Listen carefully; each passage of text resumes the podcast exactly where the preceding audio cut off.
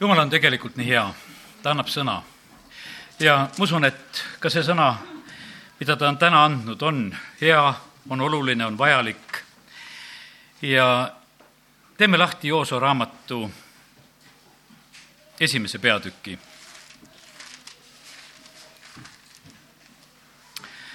kaheksas salm ärgu lahkugu see seaduseraamat sinu suust, vaid mõtle sellele päeval ja öösel, et sa peaksid hoolsasti kõike, mis sinna on kirjutatud, sest siis õnnestub su teekond ja siis on sul kordaminek. jumala sõna peab olema meie suus. ma ei tea, kui paljudel on see praktika ja ma arvan, et mitte väga paljudel, et kui me loeme jumala sõna, et me teeme seda kõva häälega. me vist rohkem loeme teda vaikselt. ja kui me teda vaikselt loeme, siis ta teda meie suus ei ole. aga kui jumala sõna on meie suus, siis on sul kordaminek, siis õnnestub su teekond. ma usun seda, et me oleme paljud võtnud oma südamesse seda sõna, me hindame, me isegi rõõmustume sellest. aga kui nüüd kuidagi nagu teada saada, et kui palju me sellest julgeme välja rääkida, siis ma usun, et seal on väga suur kontrast selle südameusu ja selle suuga välja rääkimise vahel. me võib-olla ei taha vahest rääkida võib-olla kõige oma lähedasemale inimeselegi seda, oma pereliikmetele, oma abikaasale, mida me võib-olla usume ja, ja igatseme ja ootame ja ja see võtab vahest nagu sellise noh, kättevõtmise ja et seda ära teha ja ega see ei olegi alati nii lihtne, kui sa sellele lähedasele ka välja räägid. ta võib su usku maha kiskuda, ütleb, et ära sa niimoodi küll usu. et ohoh, et sa nüüd hakkad niimoodi tahtma või? sa võib-olla räägid vahest oma õele ja vennale, kes on ka koguduses välja, sama reaktsioon võib tulla kuule, mida sina nüüd? ja, ja sellepärast on see nii, et me peame arvestama sellega, et see, mida me oma süda, südames usume ja oma suuga räägime, me peame olema valmis ka selle eest seisma et isegi kui teised, kes on meie ümber, sest noh, nende südametes ei ole. no Jonkitsoo oli väga hädas, kui tema südames oli juba see jalgratas ja, ja kirjutuslaud ja tool ja mis tal seal vaja oli. ja, ja teised olid, ütlesid, no näita meile ja mida sa räägid niisugustest asjadest, mida ei ole ja, ja sellepärast ei ole mitte midagi imestada seda, et, et teised ei näe sinu südameusku, teised ei mõista võib-olla sinu suusõnasid, mida sa räägid. aga jumal ütleb Joosole väga selgelt, et, et siis on sul kordaminek ja siis su teekond õnnestub, kui see seaduseraamat ei lahku sinu suust ja mõtlema pead niikuinii ja, aga sa pead ka kõike seda veel hoolsasti pidama, aga ta peab olema kindlasti ka meie suus. ja sellepärast täna tahaks väga soovida seda, et me saaksime lausa selle koha pealt ilmutuse. meie suu on see tegelikult see mõõk. meie suu on mõõk. ilmutuse raamatust võtan lihtsalt siia kinnituseks juurde mõned salmid kohe, ilmutuse üks kuusteist. tema paremas käes oli seal seitse taevatähte ning tema suust välkus vahe kaheterane mõõk ning tema palged olid otse kui päike, mis paistab oma väes. ma täna hommikul otsisin seda salmi taga. ma loen seda kuueteistkümne, niisugune tunne, et siin peab olema, et sealt suust käib mõõk välja. loen salmi algust, paremas käes on midagi, noh, see mõõk on paremas käes. lõin käega, hakkasin teist kohta juba otsima, sest vaatasin, no ei ole siin seda mõtet, mida ma arvasin, et ma leian siit. leidsin teised kohad, sain kaks kuusteist, leidsin ülesse, vaatasin, et mis seal on öeldud ja ilmutuse kaks kuusteist, loeme selle salmi ka paranda siis meelt, muidu ma tulen varsti su juurde ja sõdin nende vastu oma suumõõgaga. mõõk on suus mõõk on suus ja sellega sõditakse. no sain selle kinnituse, ilmutuse üheksateist ja salmid viisteist ja kakskümmend üks. seal on jutt sellest, et nägi seda ratsanikku valgel hobusel ja mis seal on öeldud, viisteist salm, ja ta suust välkus vahemõõk, et sellega raiuda paganaid. Ning tema ise hoidis neid raudsaia, sauaga kui karjane ja tema ise tallas kõige väelise Jumala raevuviina surutõrt üheksateist salm. ei, kakskümmend üks salm, mis ma tahtsin ütelda. teised tapeti mõõgaga, mis välkus selle suust, kes istus hobuse seljas. ja nii, et see mõõk on seal suus ja sellepärast, kallid, meil on samamoodi, kui see mõõk on meie suus, siis see tegelikult on selleks relvaks. Kui ta on siin raamatus, kui ta on südames, usk kasvab, aga kui sa oma südames usud ja kui sa oma suuga tunnistad, siis tegelikult hakkab selles mõõgafunktsioonis alles tööle. Ja sellepärast paljud asjad ei ole sellel aastal sündinud sellepärast, et me ei ole läinud nii kaugele. Meil on tahtmisi olnud, kes tahab abielluda, kes tahab taha, teha, mõtleb oma südames, igatseb ja armastab, aga suust see mõõk välja ei tule, et sa ei ütle kellelegi, et ma armastan sind. no ei tule tulemust, no jääb ära. mäletan õde, tuli kogudus ette, tunnistas, milline peab mees olema, sai sellise mehe. ja ja, ja, ja selle, ja sellepärast, kui see mõõk käib suust välja ja sa räägid selle ära, siis see hakkab siin maailmas toimima ja tegutsema, asjad lähevad täide. ja sellepärast, kallid, me vahest ootame ja ootame, et mille pärast ei ole. Jeesus tuleb, küsib pimeda käest või kelle käest iganes, mis sa tahad, et ma sulle teen? ta peab välja rääkima, mida ta tahab ja, ja sellepärast on see nii, et me vahest ootame, et no Jeesus, millal sa mu terveks teed, millal ma juba ükskord hakkama saan oma asjadega, aga tegelikult Jumal ootab seda et millal need asjad lähevad kooskõlla, et meil võiks olla see kordaminek, et me teekond võiks õnnestuda, siis tuleb see asi panna käima, et me südames usume, suuga tunnistame. Rooma kiri samamoodi räägib väga selgelt sellest, teeme lahti Rooma kirja kümnenda peatüki. Rooma kümme, salmid kaheksa kuni kümme. kõigepealt on äh, väga olulised salmid selle sama asja juurde. kui sa oma suuga, ei, vabandust, veel kaheksas kuid mida see siis ütleb? sõna on su lähedal, sinu suus ja südames. see on ususõna, mida me kuulutame. meie suust peab tulema välja ususõna. me vahest võime niimoodi, et, et kellegi sundimise peale noh, ütleme ka, ütleme midagi, ütleme midagi välja aga jumal tahab sedasi, et see oleks meie oma suust ususõna, et me ütleme selle välja ja teeme seda usus. ja kui sa oma suuga tunnistad, et Jeesus on issand ja oma südames usud, et Jumal on ta üles äratanud surnuist, siis sind päästetakse, sest südamega ustakse õiguseks, aga suuga tunnistatakse päästeks. sest pühakiri ütleb, et ükski, kes usub temasse, ei jää häbisse. ja see asi toimib. Kolmteist salm ütleb veel seda, sest igaüks, kes hüüab appi issanda nime, see päästetakse. ja sellepärast on see niimoodi, et see, mis meie suust peab välja tulema, see peab tulema veel lausa hüüu ka. Sest me võime vahest seda teha nagu vaikselt, aga jumal tahab kuulda sedasi, et see tuleb meie suust, tuleb välja, tuleb lausa hüüuga, siis ta on tugevam mõõk ja, ja sellepärast on jumala sõna meid selles julgustamas täna. Ja kiitus Jumalale, et aasta ei ole veel päris lõppenud ja me saame veel seda mõõka tarvitada panna tööle, kasutada, sellepärast et muidu läheb see aasta mööda ja need asjad ei sünni. Sest et ei tasu oodata, et nad sünnivad ilma. aga kui sa hakkad tegema oma selle suumõõgaga ka samamoodi tööd, siis tegelikult hakkab see tööle. kui muidu ei julge, tee kuskil üksinda vähemalt. käi, käi kuskil, otsi see tühi koht ja räägi ja, ja harjuta selle mõõgaga seda võitlemist. räägi välja ja küll see tuleb siis kuskil teises kohas sul ka veel välja, kus võib-olla inimeste ees julged tunnistada ja ütelda, mille eest sa oled seismas usus ja mis peab sündima.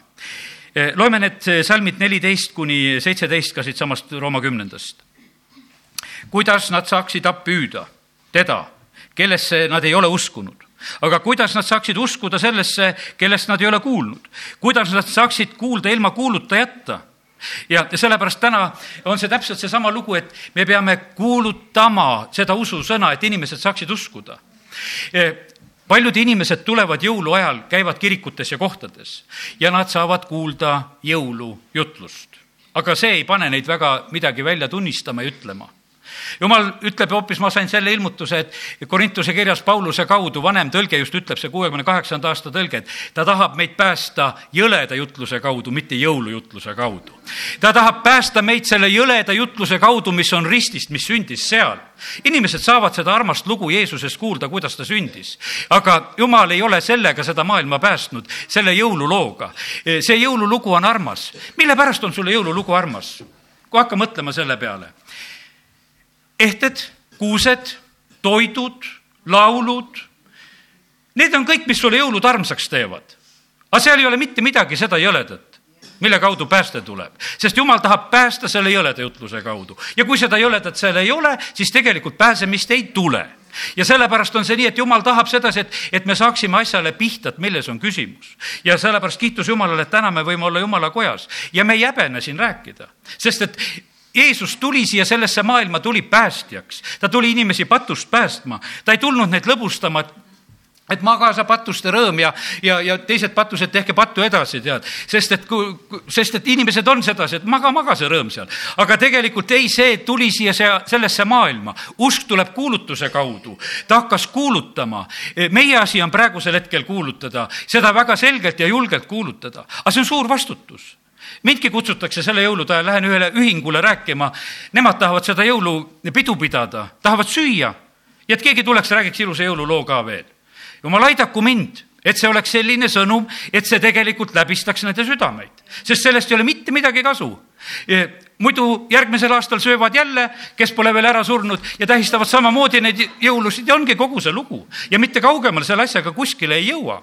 ja sellepärast, aga see ei ole eesmärk et me saaksime, et mitu jõulu sa ära suutsid elu jooksul pidada. see ei ole eesmärk, eesmärk on see, et sa saaksid selle jutluse kaudu päästetud. Eesmärk on otseselt see. Ja sellepärast on see, et kui, kuidas nad saavad uskuda, kui meie ei kuuluta.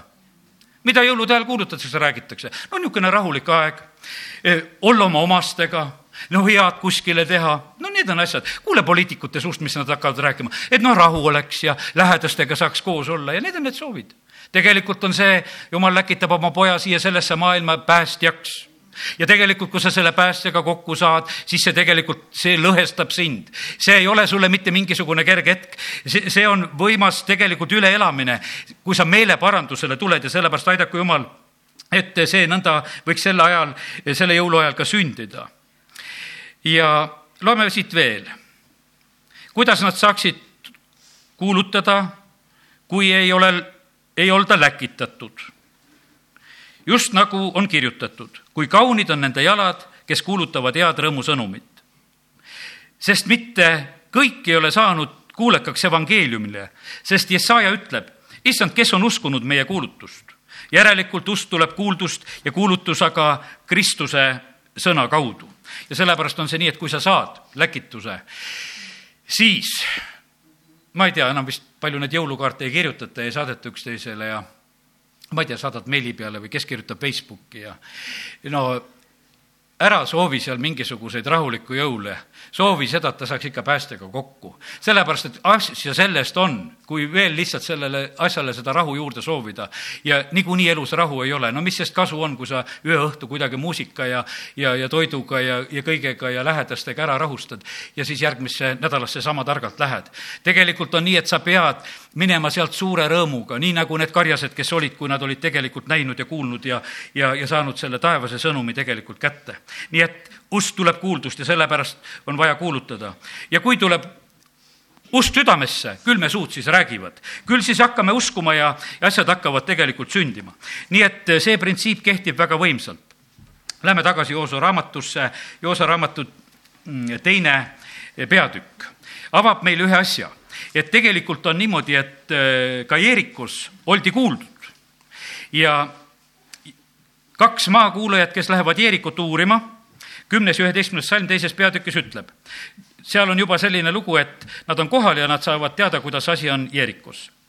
sest me oleme kuulnud, kuidas issand kuivatas teie eest kõrk ja merevee, kui te Egiptusest lahkusite, mida te tegite kahe emorlaste kuningaga teisel pool Jordanit, Sihoni ja Oogiga, kelle te hävitasite sootuks kui me seda kuulsime, siis läksid meie südamed araks ja kelleski pole enam vastupanuvaimu teie ees, sest issand teie Jumal on Jumal ülal taevas ja all maa peal. kuuldused Jerikos sellepärast on see, kui meie kuulutame ja räägime, mida Jumal teeb. kui me kuulutame ja räägime seda, et Jumal tervendab ja vabastab inimesi, see levib tegelikkuses. pastor Tissenko eile oma jutluses ütles seda, et, et nemad, noh, nad paljusid narkomaane aitavad ja siis on vahest öeldud neile, et, et teie peate võtma endale siis tervishoiuministeeriumist loa, et te ravite seal inimesi ta ütles, me ei ravi, me ainult kuulutame nendele Jumala sõna ja see teeb neid vabaks. meil ei ole mitte mingisugust ravi ja ma ei pea tervishoiuministeeriumist küsima luba Jumala sõna kuulutamiseks.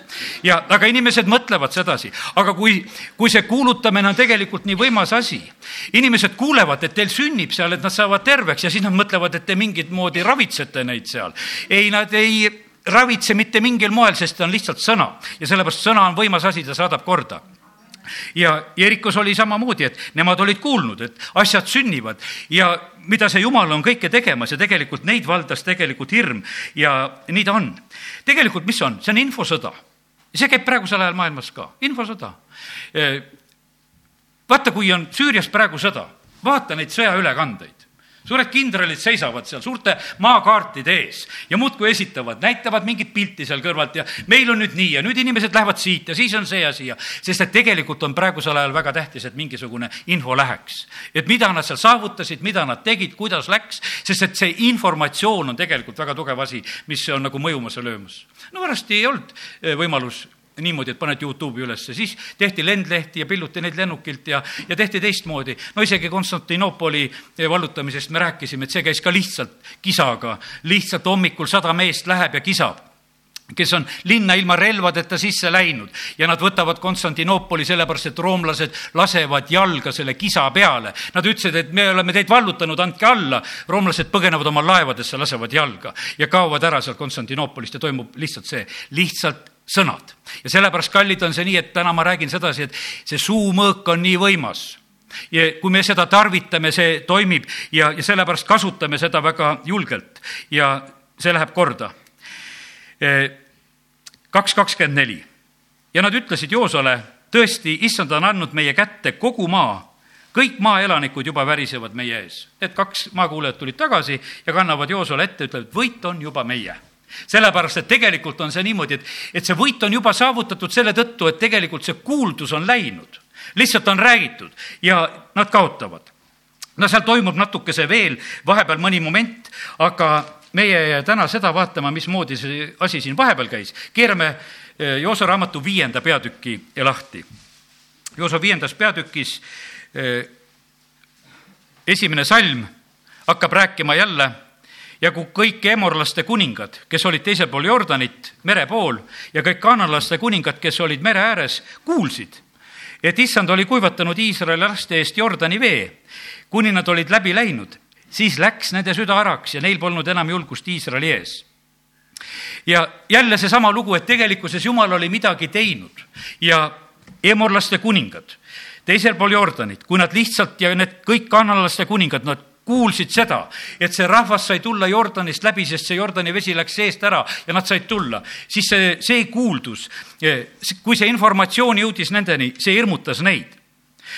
ja mis siis järgmiseks toimub? sel ajal ütles issand Joosole, teene selle kivinoad ja lõika Iisraeli lapsed taas ümber teist korda. teene endale kivinoad ja lõika Iisraeli lapsed ümber eile piiblikoolis rääkisime ka sellest ümberlõikamise teemast. ümberlõigatud võidavad. Taavet läheb koljatiga sõdima, ütleb, et kes on see ümberlõikamatu vilist. ümberlõigatu läks ja võitis ja sellepärast on nii, et ennem seda tõotatud maa eh, võtmist, ennem Jeriko vallutamist lõigatakse ümber. salga oma mina, lase oma vana loomus risti lüüa. Need asjad on tegelikult enne suuri võitlusi väga tähtsad, et need oleksid tehtud. ja seda tehakse, tehakse kivinoad, jäta meelde, et kivinoad tehti, neid läks hiljem ka vaja. ja sellepärast tehti ümberlõikamise jaoks tegelikult tehti kivinoad ja ja tehakse see, ütleme, see vaimulik protseduur, nii nagu Vanas Testamendis oli kästud, kõik meesterahvad tuli ümber lõigata sest teekonnal vahepeal ei olnud seda tehtud. Need, kes olid ennem ümber lõigatud ja kes välja tulid, need olid surnud, aga see rahvas, kes oli seal, vaja ümber lõigata, lõigati ümber ja see toimub seal ma ei saa päris aru seda üheksandat salmi, võib-olla sina saad, loeme seda. viis üheksa. issand ütles Joosule, täna ma olen teie pealt ära veerat-, veeretanud egiptlaste teotuse. ja seda paika hüütakse tänapäevani Kilgaliks. ma usun seda, et me igaüks saame kogeda seda, et kui mingisugune koorem ära veeretatakse just meie pealt. ja nemad kogesid sedasi, et kuule, mingis mõttes me saime sellest nagu egiptlastest nüüd lahti mismoodi nad seda tajusid? jah, siin kohe edasi nad peavad paasapüha. jah, edasi lõpeb manna. jah, edasi nad hakkavad sööma selle maa viljast. aga sellel hetkel tegelikult, kui oli toimunud see ümberlõikamine, kui oli toimunud nagu see protseduur ära, nad kogesid sedasi, et üks täiesti teine eriline julgus ja asi on sündinud. Taavet võtab seal viis kivi läheb koljati vastu, ühega lööb selle koljati maha juudid räägivad, et need teised kivid olid koljati vendade jaoks. aga piibel ei räägi meile sellest, et, et Taavet oleks neid seal teisi pidanud maha lööma. ja, ja ta võidab. see ümberlõigatu võit, see teotus oli pühitud sellel hetkel tegelikult Taavet selle teotuse, mida koljat seal teotas, pööras ära sellel hetkel. ta pööras selle ära, sest iga hommiku ta karjus ja rääkis seal ja siis terve sõjavägi läheb põgenema seal ei ole mitte ainult, et üks, üks koljat võidetakse. Ja see on nii suur muutus ja sellepärast kallid, kui me oleme täna siin jumalakojas koos, jumal tahab sedasi, et meie ka samamoodi, kes me oleme need ümber lõigatud, et me kogeksime, et see teotus on meie pealt ära võetud, et me julgusega oleme siin selles maailmas kuulutamas ja rääkimas. Ja et meie usk oleks täielik veendumus. Ja, ja kiitus Jumalale, et tegelikult Jumal on siis meiega võimsalt kaasas ja ta oma, oma sõna taga ja, ja ta aitab. aga olgu, järgmine on Jooso nägemus. viies peatükk ja salmid kolmteist kuni viisteist räägivad sellest, et kui Jooso oli Jeriko juures, sündis, et ta tõstis oma silmad üles ja vaatas, ennäe, tema ees seisis üks mees, paljastatud mõõk käes. Jooso läks tema juurde ning küsis temalt, kas sa oled meie või vaenlaste keskelt?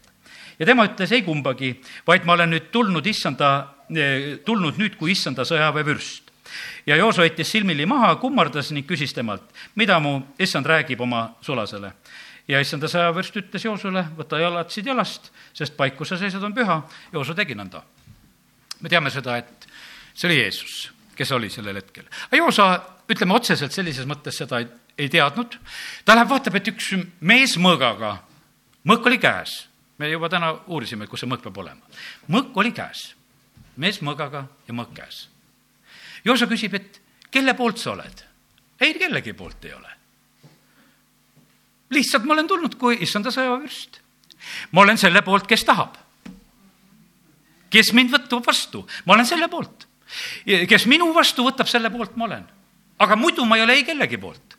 sellepärast, et ma olen kõikide jaoks ja kõik, kes võtsid Jeesuse vastu, need said jumala lasteks kõik, kes ütlevad, et tulgu sinu riik ja sündigu sinu tahtmine, seal see sünnib, kui me seda südames usume ja suuga ütleme see sünnib tegelikult Iisraeli jaoks ka, kui nad ütlevad, et õnnistatud on see, kes tuleb issanda nimel, siis see, siis see vägev vürst tuleb, ennem ta ei tule. Ja sellepärast on see nii, et Jooso sellel hetkel ta tabab ära, talle lihtsalt öeldakse, kuule, ta tegelikult oma käitumisega, kui ta võtab oma kingad jalast ja, ja kummardab seal ja on, siis ta tegelikult võttis seda vürsti vastu.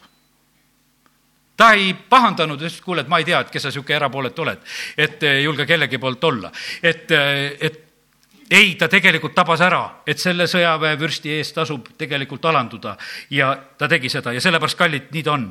kes kummardavad, kes kummardavad selle vürsti ees selle jõuluajal, need saavad. paganad, nõiad tulevad hommikumaalt, kulda, piirukit ja mürri kummardavad, nad saavad juhtimise Nad lähevad teist teed tagasi, nad ei lähe sama teed tagasi, sellepärast et jumal hakkab juhtima. kõik, kes tulevad ja kummardavad selle vürsti ette, nad tegelikult saavad selle juhtimise, saavad selle õnnistuse. ja sellepärast kiitus Jumalale, et, et Jumal meile avab neid asju. ja ilmutuse raamatu lõpp ütleb sedasi, et tule, issand Jeesus. see on selline huvitav, et nagu loed, et, et lõpuks öeldakse, et tule aga tegelikult, kes oma suuga seda ütleb, vaata, see ongi täpselt seesama, et oma südames usud ja, ja suuga tunnistad, need asjad tegelikult sünnivad. ja sellepärast on see väga tähtis, et, et meie jumala rahvana ka ütleme sedasi, et, et Jeesus tule. ja sellepärast, kui Jeesus tuleb, siis tegelikult selles on suur õnnistus.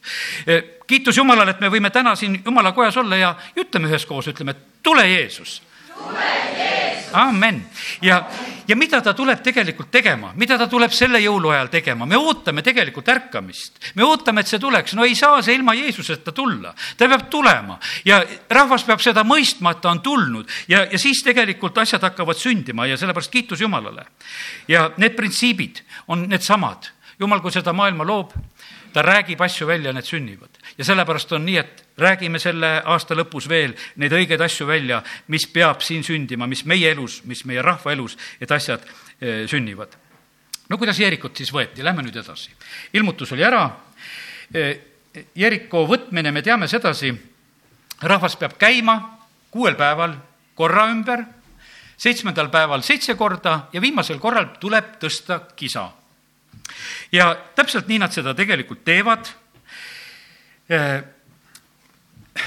kui Egiptusest tullakse välja, paasapüha, vöövööl, kingad jalas, söövad. mida nad naabrite käest võtsid? kulda, hõbedat, igasugu nõusid, asju, riideid. Nad ei korjanud Vaaro sõjaväelt mõõkasid, relvasid, seda jumal sõna meile ei räägi.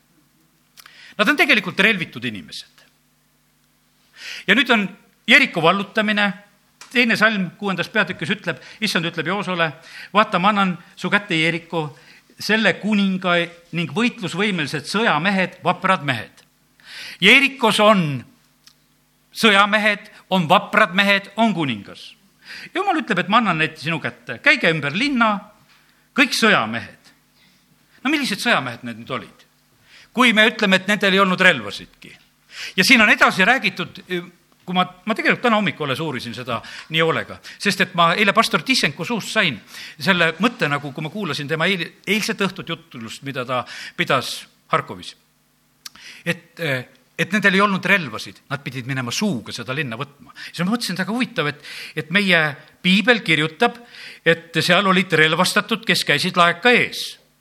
ja, ja seal on räägitud, et äh, nii seitsmendas salmis on see öeldud ja üheksandas salmis ja kes olid relvastusid, käisid sarvu, sarvi puhuvate preestrite eh, ees. relvastatud olid ja ma teen lahti oma märkme, mis ma kirjutasin omale ja, ja teate, kes need relvastatud on ja kuidas nad olid relvastatud? sandaalid on ära võetud esimene mõiste nendel relvastatutel, kui sa hakkad võtma heebrea keeles selle sõna tähendust. relvadest pole siin esimesel hetkel midagi juttu. tegelikult olid need, kes olid võitlusvalmis, kes olid kuulekad ja need olid need relvastatud. meie vaimulikud relvad on samamoodi. Need on sellised, et, et need on, Paulus ütleb, need on vägevad. Need on vägevad ja, ja me oleme need relvastatud ja meil tegelikult ei ole vaja relvasid. kuidas Gideon läheb? Mis tal seal on? tõrvikud ja need kannud ja mis seal oli veel, mis tal veel seal oli? Gideonil oli paar asja, ühes käes ja teises käes, eks, aga mida ei olnud, ei olnud mõõka. relvasid ei olnud ja nad lähevad ja karjuvad, et issanda ja Gideoni mõõk. Nad räägivad seda, mida ei ole sest nad lähevad oma selle eh, tõrvikuga ja lähevad oma kannuga ja, ja ma ei tea, seal hüüdsid ja kisasid samamoodi ja puhusid vist sarvesid ja mis nendel Gideonil käes olid. Eh, võite pärast üle uurida. ja tegelikult samamoodi need kolmsada lähevad ja nad võidavad ja sellepärast, kallid, kui ma algasin täna seda hommikut ja järjest olen selle asja juures olnud, sul on võimas mõõk, aga see puhkab see on võimas mõõk ja see puhkab, sellepärast et tegelikkuses on see, et jumal on meid relvastanud sellega. Ja need relvastatud, kes seal käisid, eh, need ei olnud mitte mingisugused ei tea mis eri, erirelvastatud seal, aga nad tegelikult teevad seda, nad hüüavad. Ja, ja siis, kui nad eh, teevad selle asja kõik ära, eh, hüüavad, müür langeb, nad lähevad kõik sinna linna sisse, kakskümmend üks salm ütleb, et nad hävitasid mõõgateraga sootuks kõik. Nad hävitasid mõõgateraga sootuks kõik, jälle ajab meid segadusse. mõõgateraga hävitasid, teine sõna, otseselt suu, huuled, ongi see terav mõõk. Hebra keeles on täpselt otse, et see on suu aga meile, et lugu oleks nagu loogilisem, kirjutatakse mõõk. aga tegelikult mõeldakse, et on suu. Aga kuidas nad tapsid siis, oma suuga tapsid? Nad tapsid kõik ära. Te-, no see on tõesti täiesti, võiks ütelda, selline eriline hetk, sest et me oleme harjunud nagu lugema sedasi, et nad ikka läksid ja tegid seda. aga oma suumõõgaga nad tegid, nad võitsid seal. Nad hävitasid kõik. kõik seal hävitati peale selle ütleme, Or-Rahabi pere, nii nagu oli kokku lepitud ja nii see sündis. ja sellepärast Jumal on selline, kes, kes selliselt teeb. ma ise vahepeal mõtlesin niimoodi, et noh, et, et äkki nad võtsid äkki nad võtsid sealt nendelt võitlusvõimelistelt Jeeriko sõjameestelt mõõgad ära. et nii nagu Taavet võttis Koljatil mõõga ära et mõõka ei olnud, läksid, aga noh, mõõkasid küll seal, eks, et võtad need nagu Taavet võttis ju koljata mõõgaga tal endal pea maha. ja tal ei olnud ka ennem mõõka, kui ta läks, ta läks kividega ja linguga läks, aga siis tarvitas seda mõõka. ma loen, kuidas siin asjad on pandud kuidas on öeldud, kakskümmend neli salm, ja nad põletasid tulega ära linna ja kõik, mis seal sees oli, ainult hõbeda ja kulla ja vask ja raudriistad panid nad issanda koja varanduste hulka ja ma ei loe nagu välja sedasi, et nad oleksid seal mingisugust relvastust korjanud endale, et meil oleks neid mõõkasid ja värkisid. ma ei loe nagu seda siit välja, et, et seda oleks olnud. et need metallasjad küll, need paenad, need raust-, riistad issanda koja varanduste hulka, need korjati, pandi ja, ja tehti need asjad ära. ja sellepärast, kallid, täna ma usun sedasi, et see on meile selle aasta lõpu see üks tugevamaid ilmutusi veel, mis jumal on andnud. tarvita oma suumõõka meil on see mõõk olemas. see on kõikjal tegelikult olemas, see on võimas, see on võimas maha lõhkuma neid kindlustusi, nii nagu Apostel Paulus kirjutab.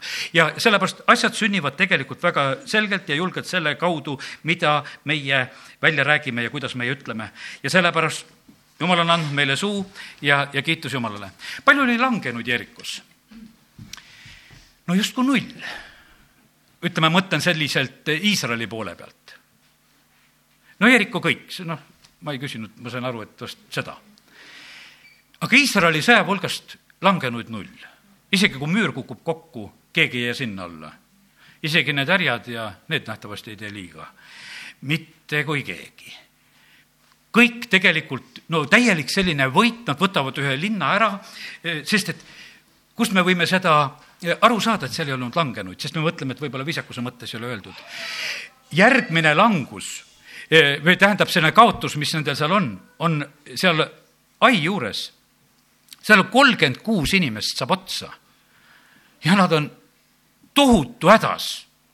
Kuidas on öeldud sedasi, ai mehed lõid neist maha, see on seitse ja viis, on öeldud. kolmkümmend kuus meest ja ajasid ülejäänud tagaväravate eest kuni Sebaraimini ja lõid neid nõlvakul. siis sulas rahva süda ja muutus veeks. kolmkümmend kuus inimest Iisraelist üle paari miljoni tuleb välja. kolmkümmend kuus tegelikult sellel hetkel, kes saavad seal otsa ja nad on nii hädas, et meil on nii suur kaotus. Käristavad riideid, Jooso hüüab ja tegelikult on jutt sellest kolmekümne kuuest mehest ja mõtled, et noh, et sõda ja, ja vallutus ja noh, mõni ime, et siis seda võib juhtuda. ja, ja sellepärast aga nii me näeme Jumala sõnast, et, et kuidas tegelikult Jumal neid võitusid valmistab. Nonii, lähme edasi veel mõttega Eh, ai vallutamine tuleb teisel moel. aga täna ma nagu tahangi tuua neid pilte, et näed, et, et kuidas need asjad käivad ja kuidas jumal nimeliselt neid asju teeb. ai vallutamisest nüüd kaheksandas peatükis me saame seda õppida. jumal ütleb, et ja pead, peavad minema kõik sõjamehed, võta enesega kaasa kõik sõjamehed, salm üks. ja vaata, ma annan ai su kätte väga tähtis on see, et, et jumal annab nagu ette selle teadmise, et, et mis sünnib. ta ütleb, et ma annan haisu kätte ja õpetab ka talitaiga, nagu sa talitasid Jeerikoga. selles mõttes on see taktika sama ja selle kuningaga, aga siiski saak ja see ja kari riisuge endile ja pane varitsejad linna taha. kolmkümmend tuhat vahvat võitlejat läheb, rahvas läheb, no seal oli üks taktika, et Jooso läheb alguses nagu koos rahvaga linnale peale ja siis põgeneb siis tulevad need aimehed välja, kõik, siis need varitsejad, kes on seal tagapool, need tulevad linna, süütavad linna põlema, hävitavad seda linna seal. siis need, kes olid põgenemas, pööravad ka jälle vastu ja aimehed, kakskümmend salm kaheksa kakskümmend, kui aimehed pöördusid ümber ja, ja vaatasid tagasi ennäe, siis tõusis linnast suits taeva poole. siis ei olnud enam neil jaksu põgeneda sinna ega tänna, sest rahvas, kes põgenes kõrbe poole, pöördus ümber tagaajale vastu ja kui Jooso ja kogu Iisrael nägi, et varitsejad olid linna vallutanud ja linnast tõusis suits, siis pöördusid nad tagasi ja lõid ai mehi. ja ja nii ta on. siin samamoodi me näeme sedasi, et, et äh, Joosol oli, kaheksateist salm, oli oda käes. ma otsisin täna need sõjariistud muudkui taga, et kellel kus on, mis oli. tema oma odaga sirutas sinna ai poole. ja, ja see linn anti kätte. kakskümmend neli salm, see on nüüd kaheksa kakskümmend neli, kus on öeldud, et löödi seda mõõgateraga lõpeb see salm, paned tähele? ja teate, mis see on? see on see ränikivi nuga. see on see ümberlõikamise nuga. see, millest oli ennem juttu, kui sa kreeka keelest võtad selle sõna, siis on seal juttu ränikivi noast. kui oli ümberlõikamine, tehti need noad ja nüüd on niimoodi, kui aid vallutatakse, siis tegelikult oli niimoodi, et pöördus kogu Iisraeli ai poole ja lõi seda mõõgateraga, on meile kirjutatud, aga kreeka keelest loed, on jutt seal hoopis sellest ränikivi noast. ja selliselt saavutati see võit. sellel päeval kogu ai elanikkond tapeti, umbes nagu Võru linn, kaksteist tuhat inimest sellel päeval tapeti. palju Iisraeli poole peal selles teises võitluses hukkus? Null. sest me ei ole ühtegi hukkunud. kolmkümmend kuus esimesel korral, teisel korral, kui oli issanda plaani järgi, null. ja oli võidetud. see oli tõotatud maa võtmise plaan. ja, ja sellepärast on, kallid, kui me oleme jumala plaanides, need on täiesti kõik hoopis teistmoodi. ja, ja sellepärast nii ta on, et, et äh, mida Jooso teeb pärast seda, äh, kaheksanda peatüki viimane salm kolmkümmend viis ütleb ühtegi sõna kõigest, mida Mooses oli käskinud, ei jätnud Joosua lugemata kogu Iisraeli koguduse ja naiste ja väetjate, laste ja võõraste ees, kes nende, nendega kaasas käisid. ja tegelikult oli niimoodi, et Joosua teritas jälle mõõka, lihtsalt luges sõna, lihtsalt luges sõna kõigi ees, võitlused olid võidetud, nüüd oli vaja tegelikult relva puhastada oli see aeg, tegelikult lihtsalt võeti sõna välja, hakkame seda lugema, siis me oleme võidukad. ja ta tegi seda kõigile. ja kiitus Jumalale, et täna loetakse sõna seal lastele, meie loeme sõna siin, niimoodi me tegelikult teritame oma seda kaheteralist mõõka, sest et see on meile antud selleks, et me võitleksime ja võidaksime ja see võidab siin selles maailmas. ja kiitus Jumalale. me teame sedasi, et kui Jeesus on Ketsemene aias ja, ja, ja seal teda kinni võetakse, et Peetrus tuleb ja võtab mõõga mis Jeesus ütleb talle, kuule, kes mõõga võtab, see mõõgavägi langeb. pista oma mõõk tuppe, parandab selle Malkuse kõrva ära, ütleb, et ära sina siin selle mõõgaga vehi. ja sellepärast, kallid, see on jumala sõna, kes mõõga võtab, see langeb mõõga läbi. mida meie riik praegusel hetkel püüab teha, ta püüab võtta neid mõõkasid, teiste mõõkasid appi kutsuda, aga see on ohtlik asi. meil on antud see mõõk mis on kõige vägevam, mis purustab asju, kui me oma suuga hakkaksime õigeid asju rääkima. ja sellepärast on väga tähtis see, et tegelikult siin maal tõuseks üles see jumala rahvas ja need juhid, kes julgelt räägivad sedasi, et meil on vägev mõõk, meil on jumal, kes saab meid aidata. siis saab need lahingud, kus on neid langenuid null Eesti sai oma esimese vabanduse lahinguga null, sest et lauluväljakul lihtsalt lauldi ja siis on langenud null. aga kui me lähme oma relvadega siis ei ole null, sest siis on sõda. siis tahate kakelda, no kakleme. Kui tahad kakelda, hakkame kaklema. Ja, ja siis kakeldakse. Ja, ja siis on kaotused, sest et kui sa lähed selle maailma viisil kaklema, siis sa saad kaotused. Iisrael kauples, anna meile kuningas, me ei taha, et meil jumal on ainult kuningas sa, Samueli ajal.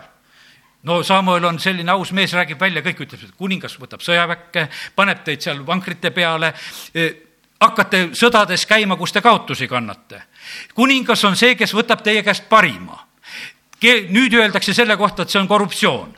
aga tegelikult seal Samuel ütleb välja, et, et kuningal on õigus võtta igal linnapeal, igal, kes on valitsemas, ta võtab parima, sest jumal sõna ütleb, et nad tulevad ja nad võtavad parima et nad teevad selle. no hea küll, antakse pärast kohtu alla, aga ikkagi võtavad parima. ja see, sellepärast, et, et nad on antud sellesse positsiooni. jumal ütleb oma sulase kaudu ammu ära, et see nii käib ja see ei muutu. ja sellepärast pane sa kes tahes kuningaks kuskile, ikka jälle rahvas varsti vaatab, et kuule, vist võttis ikka, ikka selle parima ja küll ta võtab. ja see, sellepärast, et see on nende positsioon, see on nende osa, see on nagu jumalast nendele programmeeritud sisse, et see kuulub neile. kui sa saad selle maise kuninga, siis sa saad teda just sellisel moel ja sõjaväkke paneb ka veel, kaotusi hakkate kandma ka. ja, ja sellepärast äh, võite lugeda seda, kuidas äh, Samuel hoiatab seal, eks, seda rahvast ja õpetab, et kuidas see asi tegelikult käib. aga kui me läheme jumala võitluse teed mööda, siis on langenud null ja sellepärast jumal on ise siis sõdimas ja siis on need eh, sellised, kuidas ütelda, need sõnad, mis meie suust tegelikult tulevad, on niivõrd olulise tähtsusega asjad. ma võtan edasi nüüd kümnenda peatüki. Ja seal on veel võitlused. Joosa kümnes peatükk ja kaheksas salm.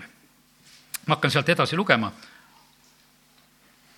ja seal on öeldud või see lõik üldse räägib sellest, et tegelikult viis kuningat. Jeruusalemma ja, ja teised kuningad, kes seal ümberringi olid, Hebroni kuningas ja, ja teised veel, need võtsid kokku, et minna kiibeanlastele kallale, sest kiibeanlased olid tegelikult suutnud juudid ära petta. ja ja nüüd oli niimoodi, et nendel oli, teistel kuningatel oli nagu vihavaen, kibenlased olid ka päris tugevad. ja nad mõtlesid, lähme lööme need kibenlased vähemalt maha. ja kibenlased tulevad jälle, ütlevad nüüd Joosole, et kui juba on, me oleme selle sõpruse niimoodi loonud, siis tule ja kaitse meid. ja, ja kaheksas salm, issand ütles Joosole, ära karda neid, sest ma annan nad sinu kätte. Ükski neist ei suuda seista sinu ees. ja Jooso läks äkitselt nendele kallale, olles öö jooksul Kilgalist üles tulnud ja issand viis nad segadusse Iisraeli ees ja valmistas suure kaotuse Gibeoni juures. ja ta ajas neid taga Peet Oronini tõusutee suunas ja nad lõid kuni Asekani ja Makedanini. ja, ja see võitlus võideti kuidas, kui nüüd edasi lugeda? Meil eesti keeles räägitakse, et noh, suured raheterad olid. kunagi siin oli Lõuna-Eestis olid ka suured raheterad ja mõned autod läksid mõlki nendest suurtest rahu, raheteradest Haanja pool ja kus olid, tulid sellised raheterad. kui nüüd äh, lugeda äh, hebra keelest neid, nende sõnade tähendust, siis oli räägitud, et need taevast tulid suured kivid. on esimene kord, kui on öeldud. et issand heitis taevast nende peale suuri kivisid, kivisid ja nendest suurtest äh, kividest selles rahes, ütleme, selles teises kohas, kus on öeldud, on rahe ka nimetatud, siis tegelikult issand tappis rohkem, kui Iisraeli lapsed tapsid neid mõõgaga. ja jumal sõdib sellisel moel väga võimsalt tegelikult sellisel hetkel. päike püsib paigal, sellel korral on see ainulaadne juhus, kus päike püsis paigas Gibeonis ja kuu aial on ju orus ja niikaua, kui siis see võit oli saavutatud ja see asi sündis. Ja kakskümmend üks salm on üks väga tähtis salm, kui me täna räägime nendest suumõõkadest tuli kogu rahvas rahuga tagasi Jooso juurde Makeda leeri. ükski ei julgenud oma keelt liigutada kellegi vastu Iisraeli laste hulgast. vaata, vaenlane oli pandud vaikima. Nende mõõgad seal suus pidid ka vait olema. Ükski ei julgenud keelt liigutada, kõigil oli keel hammaste taga, sellepärast et jumal oli toonud selle asja ja sellepärast see on, see on jumala meetod samamoodi. kui me ülistame, sa valmistad kiitva väe, et sundida vait jääma vaenlast sellepärast see relv tuleb kinni panna ja see vaenlase suust tuleb ka see relv lihtsalt kinni panna. sa jääd vait, sa ei tohi seda seal suus liigutada. psalm kolmkümmend üks, kaheksateist toob sama mõtte. ühe me siin tsiteerisime, teist ei oska tsiteerida, teeme lahti, loeme. ja kolmkümmend üks, kaheksateist psalmidest peaks sama mõtet kandma midagi. issand, är-, ärgu ma jäägu häbisse, sest ma hüüan sind appi, jäägu õelad häbisse, jäägu nad vait ning vajugu surmavalda jäägu tummaks valetajad huuled, kes jultunult räägivad õige vastu kõrgilt ja põlgavalt. ja sellepärast tegelikult see võitlus on niimoodi, et tegelikult on nagu nende suude vastu. Ühed suud tahavad rääkida, siis ütled, jäägu nad vait. ja sellepärast sina tarvita oma mõõka ja ütled, jäägu vait ja, ja tarvita, sa võid selle vale tõsta, mina kunagi panin ühe inimese, noh, kellel oli niisugust viha ja vimma, mina ei tea, meie kui naabrite vastu ja üldse usklike vastu ja ja ma olen seda jutustanud, aga jutustan täna veel. E, naabrinaine, käisime köögiukse taga tegelikult lõugamas, no sõna otseses mõttes lõugamas ja koledat häält tegemas, meil olid köögiuksed olid vastastikku ja ja siis oli nii, et tuli ja röökis ja räuskas ja rääkis rumalusi ja mina ühel korral lihtsalt lindistasin seda. ma vaatasin, ma ei oska sellega midagi teha, vastu rääkida ei osanud midagi eriti. ja lindistasin selle ära, mida ta siis meie ukse taga karjus tema läks oma tuppa, lõi ukse kinni, mina võtsin oma ühe väikese võimendikasti, mis mul oli, panin vastu tema köögiust, kerisin oma maki peal selle tagasi, kassettmakk oli, ja panin uuesti selle käima. ja lasin selle, kerisin jälle tagasi, lasin veel kord, vaatasin, et et vähe vist sai, et annan talle veel, tead, eks. ühe koha peal ta teeb selle väu-väu-väu, tead, ma kerin tagasi jälle väu-väu-väu, tead, oma, oma väu-väu käib ukse taga. no teate, ära ravis, no vait jäi. no vait jäi, ükskord tahtis õue peal hakata rääkima. mõtlesin, et oot-oot-oot, ma toon mikrofoni maki, kui on midagi ütelda. no kallid, me saime sõpradeks, mitte ainult, et ta vait jäi. sündisid poisid meil kinkis me lastele hõbelusikad ja asjad ja, ja tegelikult asjad said korda. aga vaenlane jäi vait. ja sellepärast me peame sundima selle vaenlase vait jääma ja sellepärast on see nii, et, et see on võitlus, mida tuleb võidelda ja me ei pea häbenema ja küll jumal annab tarkuse. ja kuidas me seda teeme? võib-olla sina ei saa seda minu meetodit tarvitada, küll ta annab tarkuse, mida sina teed ja kuidas ja millal teed. ja sellepärast kiitus Jumalale. Jumal paneb vaenlasega nii vait, et keegi ei julge oma keelt liigutada. ja kiitus Jumalale. ja ka kurjadele vaimudele. Jeesus ütleb seal, et, et kui need seal tulid ja kes ütlevad, tulid nüüd kiusama, Jeesus ütleb, et olete vait ja lähete välja.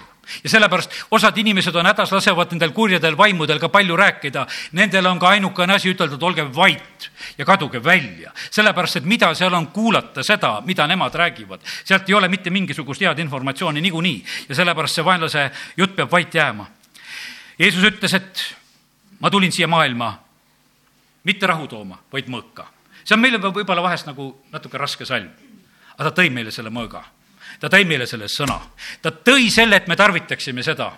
ja, ja see on selge see, et kui me seda mõõka tarvitame ja kui me läheme ütleme, et ma räägin sulle jõuluajal seda jõledat jutlust, siis see häirib, siis see on nagu mõõk. miks sa meile ei või ilusat lugu rääkida, räägi meile midagi ilusat, ära tule me jõulud ära rikkuma oma mõõgaga, tead. aga ei, nii see on et tegelikult Jumal annab meile selle mõõga, mis on meil tarvitada ja sellepärast need mõõgad, mis on need lihaliku loomuse poolest, kui me neid haarame, tegelikult, siis me tegelikult kaotame. ja sellepärast kiitus Jumalale, et Jumal meile avab neid asju. lõpetan siin selle Hoosia raamatu esimese peatüki seitsmenda salmiga. aga juuda soo peale ma halastan ja ma päästan nad issanda, nende Jumala läbi kui ma ei päästa neid, kuid ma ei päästa neid ammu mõõga ega sõja läbi, ei hobuste ega ratsanike läbi. no see oli see Jooso aeg või vabandust, see Hoosi aeg, eh, kus eh, Iisrael tegelikult langeb ja Juuda veel jääb. Juuda riik jääb veel püsima ja jumal ütleb Juuda kohta sedasi, et nende peale ma alastan. ja ma alastan nende peale ja päästan neid eh, nende Jumala läbi ma ei päästa neid ammu ja mõõga läbi, ei sõja läbi, ei hobuste ega ratsanike läbi. ja sellepärast on, ma usun sedasi, et meie maal on täpselt seesama valik. kas me tahame rahus, rahus võita või tahame hobuste ja ratsanike ja, ja kõige nendega. ja sellepärast on parem on see, kui meil ei ole selle sõja läbi. kui me saame selle läbi, nagu Ulf Ekman ütleb Sakala keskuses, teen kaitsva aia, te kuulete seda karvurinat, aga see ei puutu meisse ja sellepärast on see nii, et aga see saab ainult nende vaimulike vahenditega. kui me sätime oma sõjaristad siia ülesse, no siis oleme kutsunud duellile et teeme, et me tahtsime ka. viskad kinda maha, küll nad tulevad.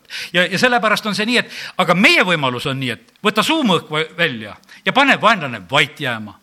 ja, ja sellepärast ja tegelikult palume seda, et Venemaa poolt tuleks meile see tuli ja tuul, mis on räägitud, et see ärkamine meile tuleks Venemaal on suur missionitegevus praegusel hetkel tegelikult üles puhutud selle missionist korrigeeriva seaduse alusel Nad on saanud kõik tegelikult seal väga innustust, et missionit teha.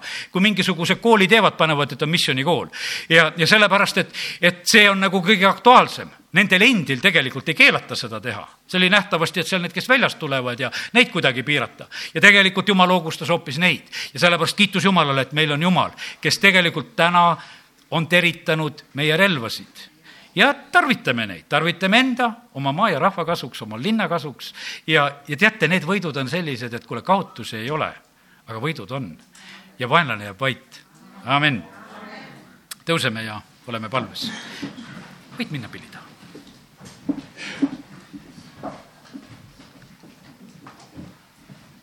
taevane isa, me täname sind, et tohime praegusel hetkel olla sinu ees ja isa, ma tänan sind, et sa oled andnud selle sõna, mida täna oleme jaganud. ja me täname sind, Jumal, et sinu sõna on elav, see on vägev, see on terav.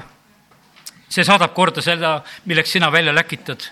ja isa, ma tahan uskuda seda, et meie rahvas praegusel hetkel siin, kes me oleme, et me veel oskame nende päevadel, mis on jäänud nagu sellel aastal, tarvitada seda mõõka.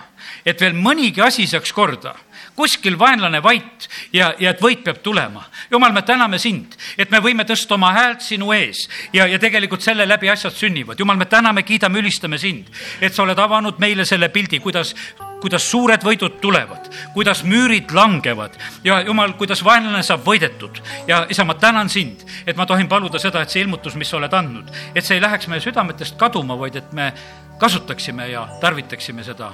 me palume seda Jeesuse nimel, amin